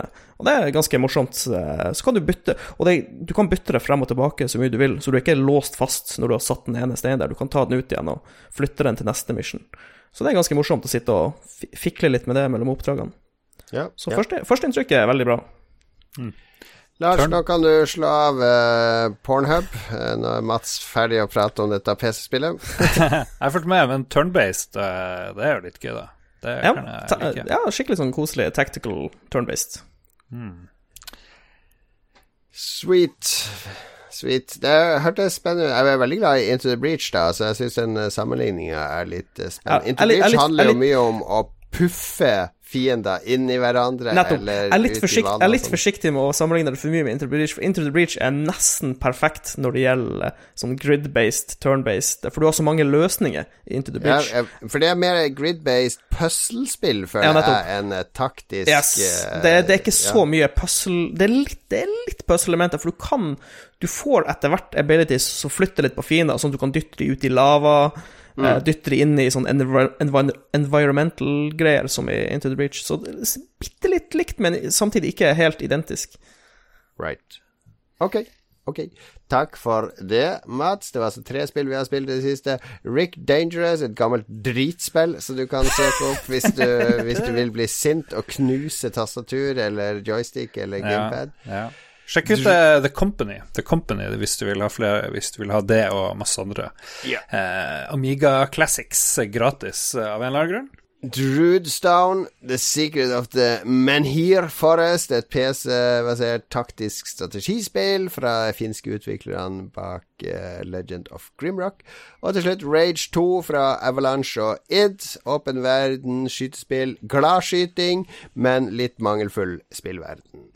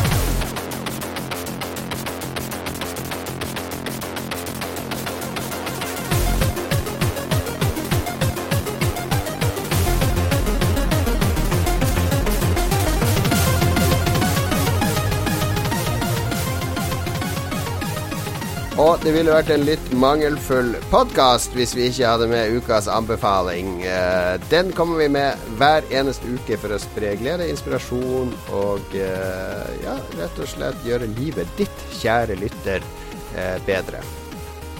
Og hvis du kan sende inn mindre lesebrev til oss, så blir våre liv bedre. Og Nei da. Skal, det er neste spalte.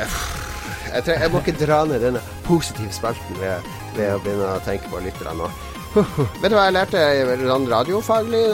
At du skal aldri Du skal aldri tenke på lyttere. Du skal tenke på lytteren.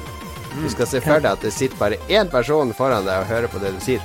For da blir det mye bedre prat. Ja, Ok. Hei, du. Ja, ja, det, det er bare én lytter. Det, og han sitter her i rommet med oss nå og hører på. Hei, kjære lytter. Nå skal du høre, nå har jeg en anbefaling til deg, kjære lytter. Vi har alle tre en anbefaling til deg. Her kan vi anbefale film, vi kan anbefale spill Ikke spill. Vi kan anbefale alt bortsett fra spill til deg, kjære lytter. Og hva vil du anbefale til vår kjære lytter i dag, eh, Lars? Eh, hallo, lytter, du som sitter her i senga bak meg, faktisk. Eh, veldig koselig å se deg, eller hvor nå enn du måtte være. Du dro, du sprang løpende ut fra senga mi, jeg glemte det. Det var 10, 20 minutter siden. Kom du deg ut? From my dungeon! OK, vi må begynne på nytt. Det- Men det, Hashtag Metoo eh, 2019. Hashtag rømme. Nei, jeg har jo sett en helt grusom eh, TV-serie lag med deg, Mats, eh, som er litt sånn eh, Fritzel-dungeon-aktig. da. Oppvarminga til. Eurovision. Det her er en anbefaling. Det låter ikke bra når du begynner å si at det er en grusom Ja. TV-serie. Ja, den er, det, er jo, det er jo en forferdelig verden. Det, på en måte så er det grusomt fordi det virker veldig realistisk at det her kan skje. Jeg ser for meg at han Trump kan erklære at fra i morgen av da innføres The Purge, Purge-dagen, hvor alle Purge Night. Purge Night fra klokka syv om kvelden Nei, hvordan blir det? Jo, Ja, fra klokka syv, syv om syv om kvelden. kvelden til syv på morgenen. Da er alle, alt lov, ingenting er forbudt. Um, kun, eh, kun Trump sjøl og hans cronies er immun, men alle andre kan bli drept, kan bli kidnappa, kan bli banka opp. All kriminalitet er lov, ingen kan bli straffa for det i, på The Purge. Og det er en serie med sånn sikkert fire, fem, seks filmer nå. Vi har sett en del av dem eh, her hos meg. Eh, varierende kvalitet. Noen er litt morsom, noen er litt shit. Men nå har en TV-serie kommet som du kan se på Amazon Prime Video. Og eh, jeg som har fått ny TV, eh, og du òg, Mats Det ser så sykt bra ut, den serien. Jeg vet ikke hva det er. Bildet er så smooth. Så Det er, det er bare altså, Amazon Video har høy bitrate. Alt ser bra ut der. Alt ser jævlig bra ut, og så er det bra shot. Men det handler bare om mye ulike folk, hvordan de eh, forbereder seg til Purge Night. Noen er ute for å drepe, noen er ute for å beskytte folk de er glad i. Andre er sånn Det er et parti som eh, liksom Trump-partiet som, som arrangerer det her. Noen er på en fest med de. Hva kommer til å skje der? Masse dekadens. Og det er veldig gøy. Det er veldig bra filmer og sånt. Ikke verdens beste skuespillere. Den har den litt sånn B-aktige preget med seg, men eh, det er veldig fint å se på, eh, i hvert fall. Og jeg blir ikke, det er ikke provoserende dårlig. Vi har sett to episoder, og det er veldig gøy. Se i hvert fall de to episodene, vil jeg anbefale. Det, det, må du ha sett filmene for å få noe ut av serien, eller? Nei da, det alt forklares eh, ganske greit. Og det er samme premisset bestandig, bare nye karakterer og nye steder. Det er Konsept, konseptet, konseptet er såpass enkelt at du må ikke liksom ha mye kunnskap Ja. om universet. Men hva er det som, er det som fenger? Er det bare denne faren ved denne tolvtimersperioden og alt det fæle som skjer, eller er det noe er, Har det noe relevans? Gir det deg noe? Hva er det det gir deg? Det? Kanskje det har noe med temaet vårt skam å gjøre, for det er jo Kanskje innerst inne så har vi noen hatt litt lyst til å kunne gjøre hva vi vil i løpet av tolv timer, og her får vi se noen som endelig kan gjøre det. Eller kanskje vi er redd for det, kanskje det her er noe vi frykter skal skje. fordi som sagt, jeg kan godt tenke meg at Trump finner ut at det her er en kjempegod måte, fordi han er jo en, Han oppildner jo til vold. Han ber jo folk slå ned folk på på de her rallyene sine og sånt, hvis de er mot han. Ja, slå de ned, jeg betaler boten, liksom. Det, det er jo første skritt på legalisering av vold, egentlig. Så jeg føler at den har en viss verdi som sosial kommentar, og litt sånn psykologisk eh, som skrekkgreier. Vi kan se ting leve ut på skjermen som vi ellers ikke kunne opplevd. Ja, sånne ting. Ok. Uh, The Purge, altså jeg, jeg ble litt intrigued. Jeg liker jo litt sånn dark uh, twist på vår egen samtid, så, så det hørtes litt spennende ut. Jeg skal Jeg har ikke det Amazon-driten. Er det den som er så jævla billig? Sånn fem dollar i måneden eller noe sånt? Veldig billig. Stemmer. Veldig billig. Ja, jeg får vurdere det. Får se om jeg har råd til å flette Amazon inn i budsjettet mitt. Jeg skal anbefale um, en, eh, en nettserie, faktisk, som vår tidligere redaksjonsmedlem Magnus Tellefsen anbefalte til meg. Og det var, Magnus Tellefsen han er sånn Han har en sånn veldig sånn amerikansk det er, Han han liker veldig mye sånn amerikansk humor. Eh, og spesielt mye sånn tegnefilm-type greier. Eh, små, sære greier, sånne ting som varer i 200 timer, der du må, du må se det i 30 timer, så blir det bra, og sånne ting. Så jeg er ofte veldig skeptisk til hans eh, humoranbefalinger, fordi det er, det, det er snakk om sånne enorme investeringer. Altså, en gang jeg sov hos Magnus, han sovner jo til TV-serier. Han bruker å ha, ha på det sånn sånne der natta-greier, satt han på. Mm. Samurai Jack husker jeg vi, vi, vi skulle legge oss til, så må ikke si det her til Magnus at det er helt. Du og Magnus i senga med Samurai Jack. Eh, det er noe som heter Tim and Eric, er det ikke det? Ja. Ja, det har jeg aldri sett. Eh, men eh, Magnus sier det veldig bra, så jeg stoler på han der. Men det jeg har sett, er han, han Tim Heidecker, som vel er han ene fra Tim and Eric. Eh, han har en sånn webserie som heter On Cinema etter Cinema. som er basically er han Tim, og så en som heter Greg Turkington. Som sitter i to sånne seter i en kino og prater om to filmer som har premiere til helga, og så gir de fem De gir de of veldig ofte fire eller fem popkornbeger, da. Og det er verdens eh, kanskje dårligste, mest overfladiske filmanmeldelser. Eh, jeg tror ikke de noensinne har sett de filmene de snakker om, jeg tror de bare har sett trailerne. det er liksom på det nivået.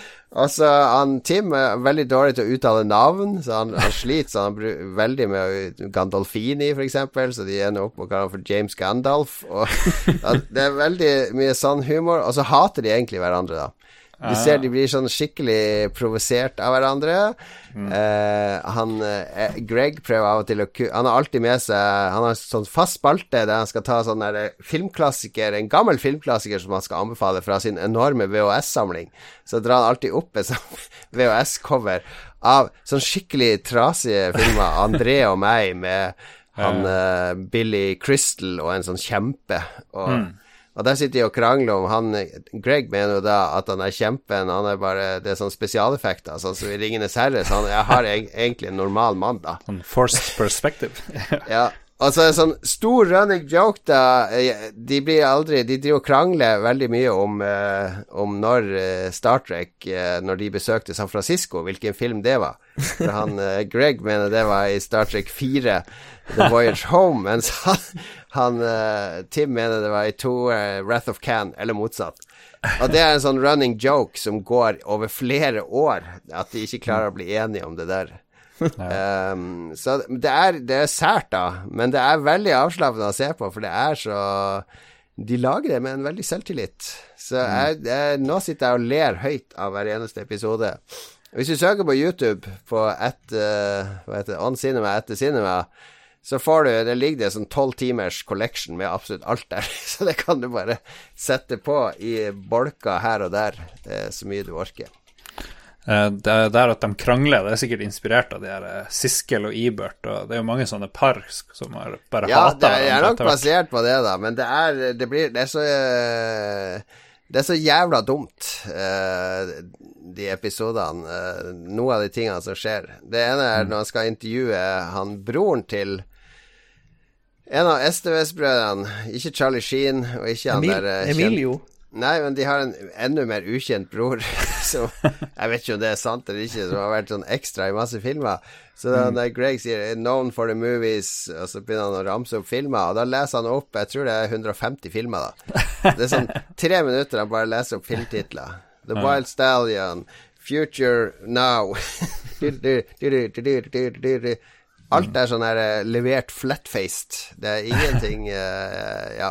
Ingenting out of character. Så On Cinema, etter Cinema, kjempeartig eh, nettserie. Eh, jeg vil gjerne anbefale eh, en ny TV-serie som har starta på HBO for to uker siden. Den eh, heter Tsjernobyl, og handler selvfølgelig om eh, den store ulykka som skjedde i Tsjernobyl, nærmere bestemt Pripyat, eh, for eh, ganske mange år siden. 80, 86. Det Har jeg lyst til å si. Ja, av. Eh, midten av 80-tallet, kan vi si. Um, TV-serien Det starter liksom med et pangskudd. Det, det starter med ulykka, på en måte. Det er ikke noe oppbygging, det er bare rett i gang med ulykka. Og ja, er utrolig bra lagd. Veldig sånn autentisk. Det oser av, eh, av eh, liksom detaljer som Hva, hva er hooken som, som gjør at det blir så bra? Er det folkene som du identifiserer deg med, eller er det omgivelsene? For meg, for meg så er det at det virker så autentisk, og så Ja. er det så mange detaljer. Altså, jeg har alltid vært fascinert av Tsjernobyl, og jeg har lenge planlagt å lese noen bøker om det, bare for å liksom sette meg litt inn i stoffet, men jeg har aldri kommet meg så langt, så jeg føler dette er en god erstatning. For det er veldig sånn det er veldig mye fakta som dukker opp, som, jeg, som forhåpentligvis stemmer, da. Det må jeg nesten sjekke i ettertid, men det virker, det virker veldig legitimt. Eh, Det eneste negative er at eh, det er jo vestlige skuespillere, så all dialogen er på engelsk. Mens enkelte ting eh, foregår på russisk. Er det, er det sånn på sånn engelsk nære You forgot to turn off the coffee machine, you stupid idiot! Nei, Eller er det sånn sånn Nei, det er, det de snakker med vanlig, sin vanlige Ok. aksent. Eh, Oi, det oi, there's an accident at Chernobyl, mate! Some a lot of people die at Chernobyl, mate! Det, det er ikke så ille. Okay. Nei, men det, det fungerer ålreit. Etter, etter en stund så tenker du ikke over at de snakker engelsk. I hvert fall for min del. Uh, men det er bare kommet to episoder, da, så jeg, ikke, liksom, jeg kan ikke gå god for hele serien. Men de to første episodene er utrolig bra. Og Veldig deprimerende. eh, ja, ve veldig dystert. Altså, materialet er jo dystert. Det er jo ei kjempetrasig ulykke, mer eller mindre. Og den påvirker jo utrolig mange personer. Men det er liksom deilig å, å se en stor produksjon, da. Altså en påkosta produksjon om ulykka. Det er veldig Ja. De gir et, et skikk Litt sånn innblikk i, i ulykka, rett og slett. For det, det er ikke så mange filmer om ulykka, når man tenker seg om. I hvert fall som jeg vet om. Jeg husker da vi bodde i Finnmark i 86, da ulykka skjedde, og årene etterpå, så drev de og målte eh, mengden radioaktivitet på sånn reinsdyr og på alt mulig rart, multebær, og, for det spredde seg jo med en Ja, det, Ja, det dro jo med vinden, Ja. de partiklene. Det, er noe, det påvirka jo hele, hele vestlige verden, mer eller mindre. Absolutt. Eh, ifølge Wikipedia så kom det 400 ganger mer utslipp enn eh, atombombene i Hiroshima og Nagasaki. Mm. Nei, men hvis, hvis du hvis du, eh, hvis du hvis du har lyst på en litt sånn uh, dunkel, uh, intens uh, TV-serie, så er det bare å fyre opp eh, Tsjernobyl. Det um, virkelig anbefales. Jeg, jeg, jeg ser flere som har klaga på at de prater engelsk. Ja, ja men jeg tenker sånn Har du sett den 22. juli-filmen på Netflix òg? Der er det jo Der prater også alle engelsk ute på Ja, Utøya den. og i Arbeiderpartiet og sånn. Og det stusser jeg egentlig ikke over. Nei. Jeg vet ikke. Hadde det vært en film om Alexander Kielland, hadde du foretrukket Å, helvete, karer, nå kantrer han! Eller skal de prate Motherfucker! Jesus Christ! Get to the chopper! Hva hadde vært best? Er det too soon? Nei, jeg, du jeg jobber jo føler på plattform. Uh, eh, grunn, Grunnen til jeg nevnte det, var at, uh, at eh, eh, når, når du ser de russiske transporthelikoptrene, og de har dokumenter hvor alt er på kyrillisk, og Ja. det er liksom USSR og sånn, så blir det kanskje en liten sånn her disconnect at de snakker engelsk. Men for min del så tenkte jeg tenkte over det de første to minuttene, og så slutta jeg å tenke på det. Så Ja. ja. Jeg har sett den første episoden. Jeg syns det er helt greit at de prater Mm. engelsk. Det er jo litt weird, men herregud. Det er jo engelske skuespillere. Hvordan skal de lære russisk, liksom? ja. Det er jo en, engelsk. Det som er ekstra rart i 22. juli, er jo at det er liksom Jon Øigarden som spiller han uh, Lippestad, og, og han Anders Danielsen Lie er jo han Behring Breivik. Så det er norske skuespillere som i tillegg prater engelsk. Ja, det er litt spesielt. Jeg har ikke gidda å se det her 22. juli-greiene. Det det er jo for deprimerende fremdeles. Det er Tøft, tøft. Det er ikke sånn superbra, den Netflix-filmen, men den er, den, det er en del som er tungt å se der. Det er det. Men ja, det var tre anbefalinger. The Purge, hvis du vil ha gladvold om eh, samfunnets og USAs kollaps. Tsjernobyl, hvis du vil ha dødsens seriøs faktabasert om eh, atomkraftens kollaps. Og On Cinema etter Cinema, hvis du vil ha humoristisk om kritikeryrkets kollaps.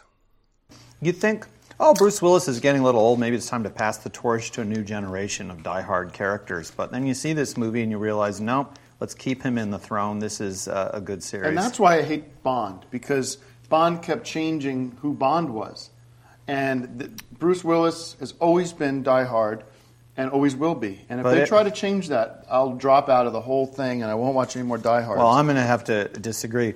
With Bond, they're always improving on it. Each Bond is better than the previous Bond, and No. th- those have been going on for 60 years. You can't have somebody who's 90 years old who's James Bond. It's just not convincing. well, I, I don't buy it. It doesn't make sense to me how you could have the same character with different looks with the same name. Th- this is why I love Die Hard because they don't give up on. Og da må jeg ta to valium og en eh, fem lykkepiller hvis jeg skal holde humøret oppe, for nå kommer lytterne igjen, Lars. Yes! Jeg har spurt, siden vi skulle snakke litt om skam, hva er det lytterne skammer seg over, spesielt i, i nerdeområdet og spill. Det, tror du det er noen som skammer seg over at de hører på Lolbua? Det vil jeg tro. Vil jeg tro. I hvert fall hvis du hører det i lag med mamma det, og sånn. her. hvilke forbinder, Er det mer skam forbundet med å høre på Red Crew enn Lolbua, tror du? Jeg Vet ikke, Det er litt mer stuereint, det der Red Crew, er det ikke det? Ja, si. det, men der, de har en litt høyere geek-identitet, kanskje. Altså at du er Ja. genuint opptatt av uh, spill på uh, Vi er jo sånn overfladisk opptatt av spill, stort sett, kanskje. Jeg vet ikke. Tja, jeg vet ikke. Ja, Mats er jo hardcore her, og jeg vet ikke. Jeg føler jeg mater våres- meg inn i et hjørne nå. Ja, Ja, nå er vi Nei, stuck, La oss glemme det. La oss slette det som vanlig. Slette det i post. uh, men seriøst, jeg vil, jeg, Det er jo masse episoder vi har lagd jeg ikke kan høre med noen, egentlig. Som ikke Jeg klarer ikke å høre på noe av det vi lager i det hele tatt. Det, Ok, lytterspalten, folkens. Um, Morgenslang sier 'skammer meg over å spille'. Nei! Mer konstruktivt det enn å glo på fotball, Farmen eller se kjendiser gjøre ting de ikke kan på TV. Um, så han liksom Han setter seg sjøl i opposisjon da med de som liker sport. Og det er jo en måte å, å lage sin identitet på. Uh, og så sier han at det er likevel noen spill han ikke snakker høyt om, annet Battle Island- Island-spillene til 505 på PlayStation, eller 505, jeg vet ikke. Har holdt på med de i sikkert over fem år og har tatt meg pokker på å makse alt uten å bruke en krone. Så det er noen sånne free to play-greier han driver med. Ja, ikke kjent. Battle Island, what the fuck? det er ukjent for oss, eh, Morgan. Har dere noen Guilty Pleasure-spill, forresten? Som dere ikke snakker så høyt om? Du har ikke noen sånne erotiske spill, Lars? Du spiller på Jeg skulle ønske jeg hadde vært gøy. Noe hentai, tentakelporno, free to play. Guilty pleasure-spill. Hva skulle det egentlig være? Som du det er jo noen som syns det er eller Når du er sånn 20 der omkring, så er det sånn her det er litt flaut å spille Mario og Yoshi og sånne søte spill, men Ja. eh, det forsvinner jo med årene. Det det er litt flaut å spille uh, Rick Dangerous når du er 43 år gammel. Det er jo det. klamre til fortida.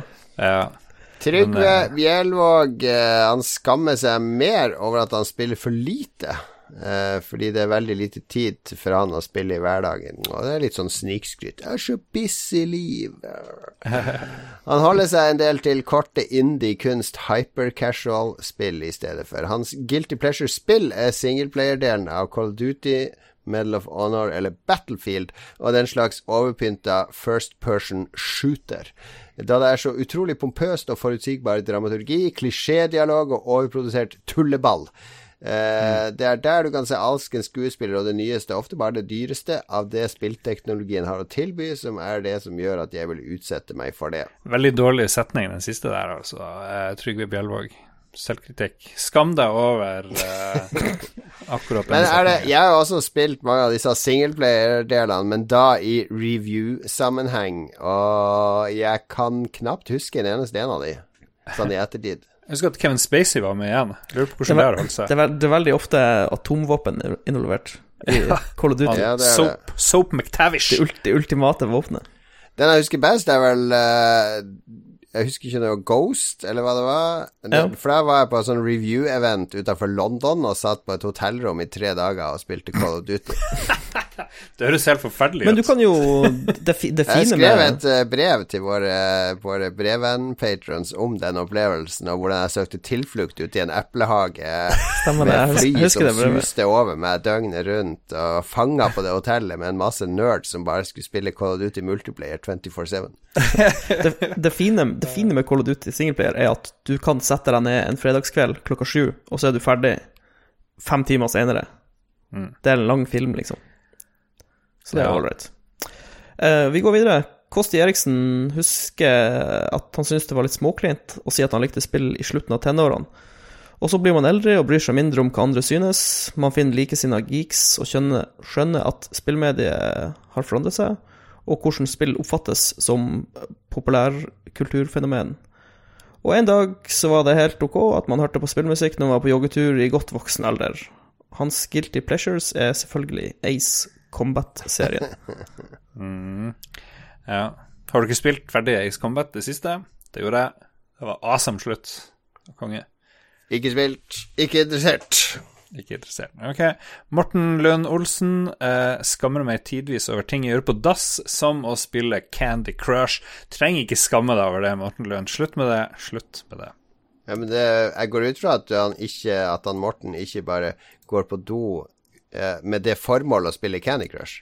Jeg går ut fra at han skal f.eks. bæsje. eh, og så tar det fire-fem minutter, og så spiller han Candy Crush mens han bæsjer. Ja, det er faktisk eh, et godt poeng. Jeg håper det er det som er Men hva, han sier han skammer seg over ting han gjør på dass, som å spille Candy Crush. Så da er det jo masse andre ting han skammer seg over. Ja, det, det var et eksempel. Ja. Kanskje han er en av de som ligger med varmekablene på fullt og ligger naken på gulvet og spiller Candy Crush. Det vil jeg kanskje si er verdt å skamme seg over. Hvorfor i all verden er strømregninga på 5000 denne måneden? Jeg har ligget i 200 timer på badet i romsgulvet i 40 graders varme og spilt Candy Crush. naken. Naken. Svetten i sånn pøl av svette. Candy Crush. Mens du spiser smågodt. Skolefritt. Ja. Det synes jeg er en god kveld, det der. Der mista vi han lytteren. Bra, det var det oppnådd. Christopher Getteboys Hansen Leistad. Nå skammer jeg meg ikke for å spille, men var verre for bare noen år tilbake når folk så rart på meg og kompisene for at vi skulle dra og spille Fifa. Tenk at menn over 30 ennå spiller, var et av utsagnene vi fikk. Nå bare driter jeg i folks negative reaksjoner. Guilty Pleasure må være Gears of War-serien. Der folk flest rakker ned på den, så koser jeg meg med å sage gjennom horder av ulike monstre. I love it! Nå kom jeg på en guilt pleasure som jeg skulle ønske var Hører du at jeg har vært i sånn proffpodkast med Stian Blipp og liksom har lært innlevelse og Ja, ja, du må jo Du krever betaling snart for det her, eller ja, sånn skuespillerforeninga. Men jeg kom på noe jeg skulle ønske var en guilty pleasure, og det er jo de her David Cage-spillene. Men de er jo blitt så drit, så jeg klarer ikke å ha de som Det er blitt for ille for guilty pleasure, faktisk. Så det er litt trist. Ja. Øystein Reinertsen sier at han ikke kan huske at han har skamma seg så mye opp gjennom årene, da de fleste av vennene hans også spilte. Der skoen kanskje har trykka for han, har vært da han har vært en konsollspiller, mens vennene hans har spilt på PC. Konsoll var ikke like kult som PC da man kom opp i et vilt- visst alderssegment. Etter hvert som man vokser til, så har denne forskjellen mellom konsollspillerne og PC Master Race selvfølgelig fislet bort. Og nå er det egentlig bare i hans umiddelbare vennekrets eh, han som fortsatt spiller, til en viss grad.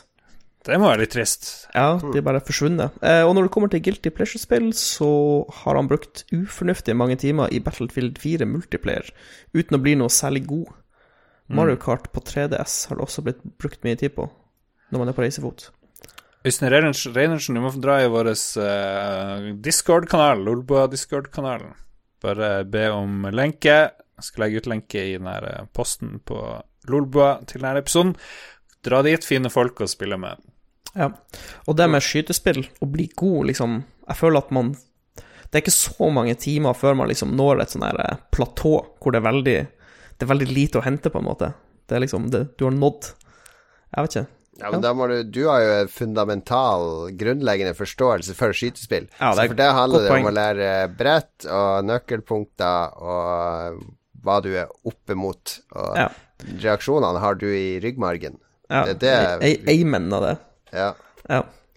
Godt poeng. Aim. Jeg vil si at du lukta så ille, Mats, men uh, ja. det er ikke noe å skamme seg for eh, det. Eh, han eh, Mads Leander Han er litt flau over at jeg ofte fyrer opp et spill i Tales-serien. Det er en japansk rollespillserie. Føler meg ikke som mann når dama ser jeg spille en av dem. Oh. Der, nå der kjenner jeg Jeg begynte jo på det Dragon Quest nyeste Dragon Quest-spillet her om dagen. Så sitter jeg her i trusa på kontoret, voksen mann, masse skjermer, superkraftig datamaskin, og så kommer min kone inn, og så sitter jeg jo med en sånn anime det, det blir Jeg er såpass gammel at jeg blir litt sånn flau av det. Jeg sitter alene her, voksen mann, og koser meg med, med litt sånn uh, 13-årige uh, japanske tegnefilmfigurer. Jeg sliter litt.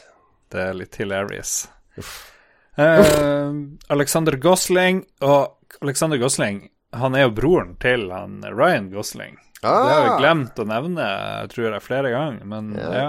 Welcome, Alexander. Eh, han driver og lærer norsk med å høre på Lolbø. Det er ganske kult. Eh, say hello to your brother.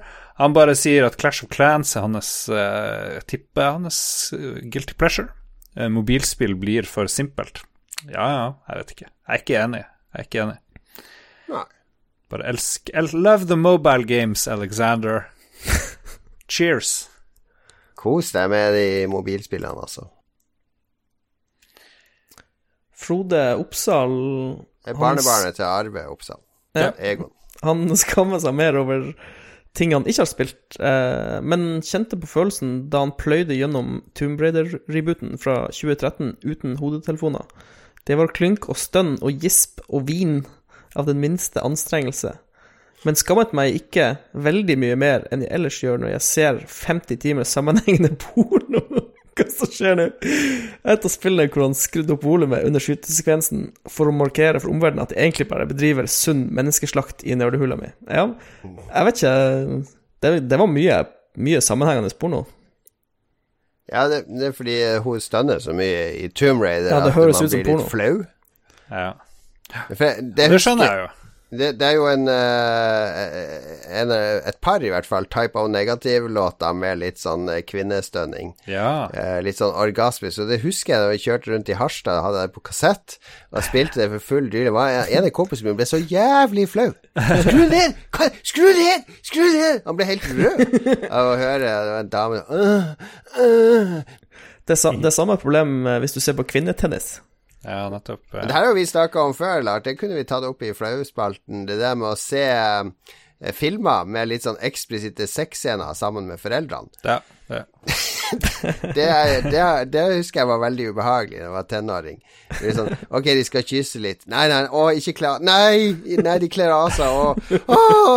Og så sitter du der sammen med foreldrene, og så er du sånn 16 år, og du får ereksjon bare du tenker på en vannmelon, liksom, eller noe som ligner på en pupp. Da sitter du åh, der er mamma og pappa, og uff. Og så kommer pappa, mamma med en sånn morsom kommentar, og du sitter rød i fjeset, og Ja, mine foreldre kom aldri med noen morsom kommentar. Det var kun pinlig. Det var dødens 100% de var for opptatt med å kline bak deg i sofaen. Æsj. Uff. Vi går videre til siste greia. Jeg bare tar det. Erland eh, Nettum. Det fins ikke det navnet. Lurer på hva du egentlig heter. Han sier da han var yngre, så var det å være gamer uvanlig. Eh, Begrep i seg sjøl var ukjent, og i hvert fall ikke noe man tenkte på som en identitetsmarkør. I dag er det så vanlig at det ikke faller i meg inn å holde det for meg selv. Du er en fri mann, Erland, uansett hva du heter. Good for you. Ok, det var litt overstått. Takk for det. Det var faktisk litt gode, gode Ja. De delte bra i dag, syns jeg. Om, omfattende innspill. De, they dig deep i dag. Eh, snakk om skam, vet du, vi har delt litt. Det var et bra tema. Det var et bra tema jeg kom på. Er det godkjent? Ja, Betyr det at vi må se den derre Skam-TV-serien nå, da? Det Det må se Skam Austin. var jo Magnus sin jobb å se det, da. Vi burde jo ha han som gjest i nær framtid og høre, få en oppdatering på Skam. Ja, absolutt. Vi får se om vi får til det. Nå er det i hvert fall nærmer seg slutten av mai. Eh, jeg har en siste hemmelig spalte på slutten her. Hva skal dere gjøre i denne uka, gutta? Nå er det onsdag, nå så folk hører det her. Eh, hva, hva er planene denne uka? Litt sånn teasing for hva vi kan snakke om neste gang. Oh. Jeg skal til Trondheim, skal kanskje treffe en av Norges mest eh, hemmelighetsfulle gamere. Oh. Så det kan bli litt spennende. Blir det noe lydopptak fra, fra hjemmet hans? Ja, hvis vi får til det. det jeg håper det. Det kan bli eh, episk. En av Norges mest hemmelige gamere. Det høres meget spennende ut. Er det, er det uh, ja, ja, vi skal ikke røpe for mye her. Nei. Jeg skal til Malmö, Nordic Game Convention. Der skal jeg både sitte i et panel, og jeg skal være DJ utpå kvelden der eh, på den store festen. Så eh, det lager sikkert noe lyd derifra. Mm, bra. Eh, Mats? Mats? Um, ikke så mye. Jeg har, eh, jeg har nytt hifi-utstyr på vei, så jeg skal fikse nytt hifi-anlegg i stua. Hvis du ikke har så mye, så jeg, eh, kan jeg komme med forslag til oppdrag til deg. Ja. Du har i mange år vurdert å lese om Tsjernobyl. En tur på Oh. biblioteket. Ja. Spørre bibliotekaren Du, jeg vil gjerne lære litt om Tsjernobyl. Ja. Og så låner du en bok om Tsjernobyl. Oh. Men da må jeg, ha, eh, Må man ha bruker på biblioteket? Det Hvordan alt fungerer det det? er elektronisk. Og du registrere deg elektronisk? Det er Ja, null stress. Kanskje jeg skal gjøre det? Ja, jeg oppfordrer deg til det. Jeg- jeg For jeg tar det sånn jeg tar oppdraget. Jon Jeg har i mange år hatt lyst til å lese om Tsjernobyl, men det har blitt for mye styr. Mission accepted. Så kan du faktasjekke TV-serien Ja, for oss faen, til det neste det var et godt forslag. Ja, jeg, jeg bare sprudler over av forslag i dag. Mm. Eh, takk til våre produsenter, Lars. TTMXMP, Kobrakar84, tror jeg det var, og Rolf Helge Øvergård Ingebrigtsen. Wow! Og så tror jeg det er siste episoden av Game of Thrones går i natt, gjør den ikke det? Ja, Det jo, og det kommer det... det som er, altså, det kommer nye episoder av Tsjernobyl, og jeg gleder meg så mye mer til episode tre av Tsjernobyl enn siste episoden til Game of Oh. Thrones. Men det blir, meg. altså, Game of Thrones på god og vonde, det blir deilig å bli ferdig, da. Ja, altså, det er veldig godt poeng. Veldig. 100 Jeg Endelig er klar- ferdig. Jeg er klar for å lukke det kapitlet Ja, i ja, livet ja, mitt. Vi er tilbake om en uke. Det blir det fest og moro og sprell som vanlig. Det nærmer seg sommer. Vi er våryre. Vi er klare for mer grilling, mer sykling, mer svømming. Kommer Lars til å svømme i havet i år? Hvem vet? Vi forventer i hvert fall en video i løpet av de neste månedene. Ha det bra, alle sammen. The real journey is you. So, whoever you meet, whatever job you do, wherever you travel, wherever you go, wherever you do, it's all about getting you to fall in love with you.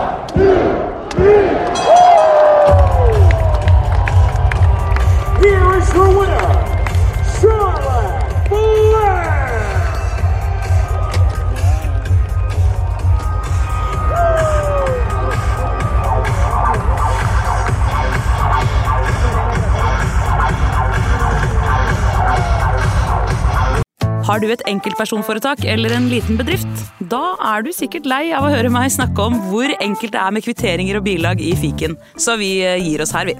Fordi vi liker enkelt. Fiken superenkelt regnskap.